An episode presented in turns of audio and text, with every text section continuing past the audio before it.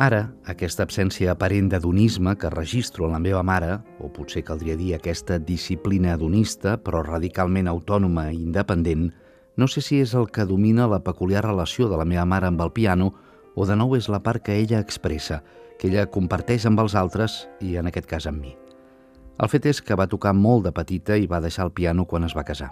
Després, amb els fills ja grans i havent marxat tots de casa, menys jo, que encara era molt jovenet, el va reprendre. El seu piano va ser el vehicle amb el qual va sortir d'una crisi profunda, personal i matrimonial que jo vaig viure els primers anys 70, quan jo era un nano d'uns 10 anys i els meus pares estaven a la cinquantena. Penso que, en certa manera, el piano li va permetre redefinir el seu lloc al món. El piano va ser l'esquif salvador, el bressol d'un nou començament, d'una reconciliació, d'una reinterpretació productiva i creativa del seu lloc al món. Però no la música, em sembla. Potser la música era el medi, però no el mitjà. El mitjà va ser clarament el piano.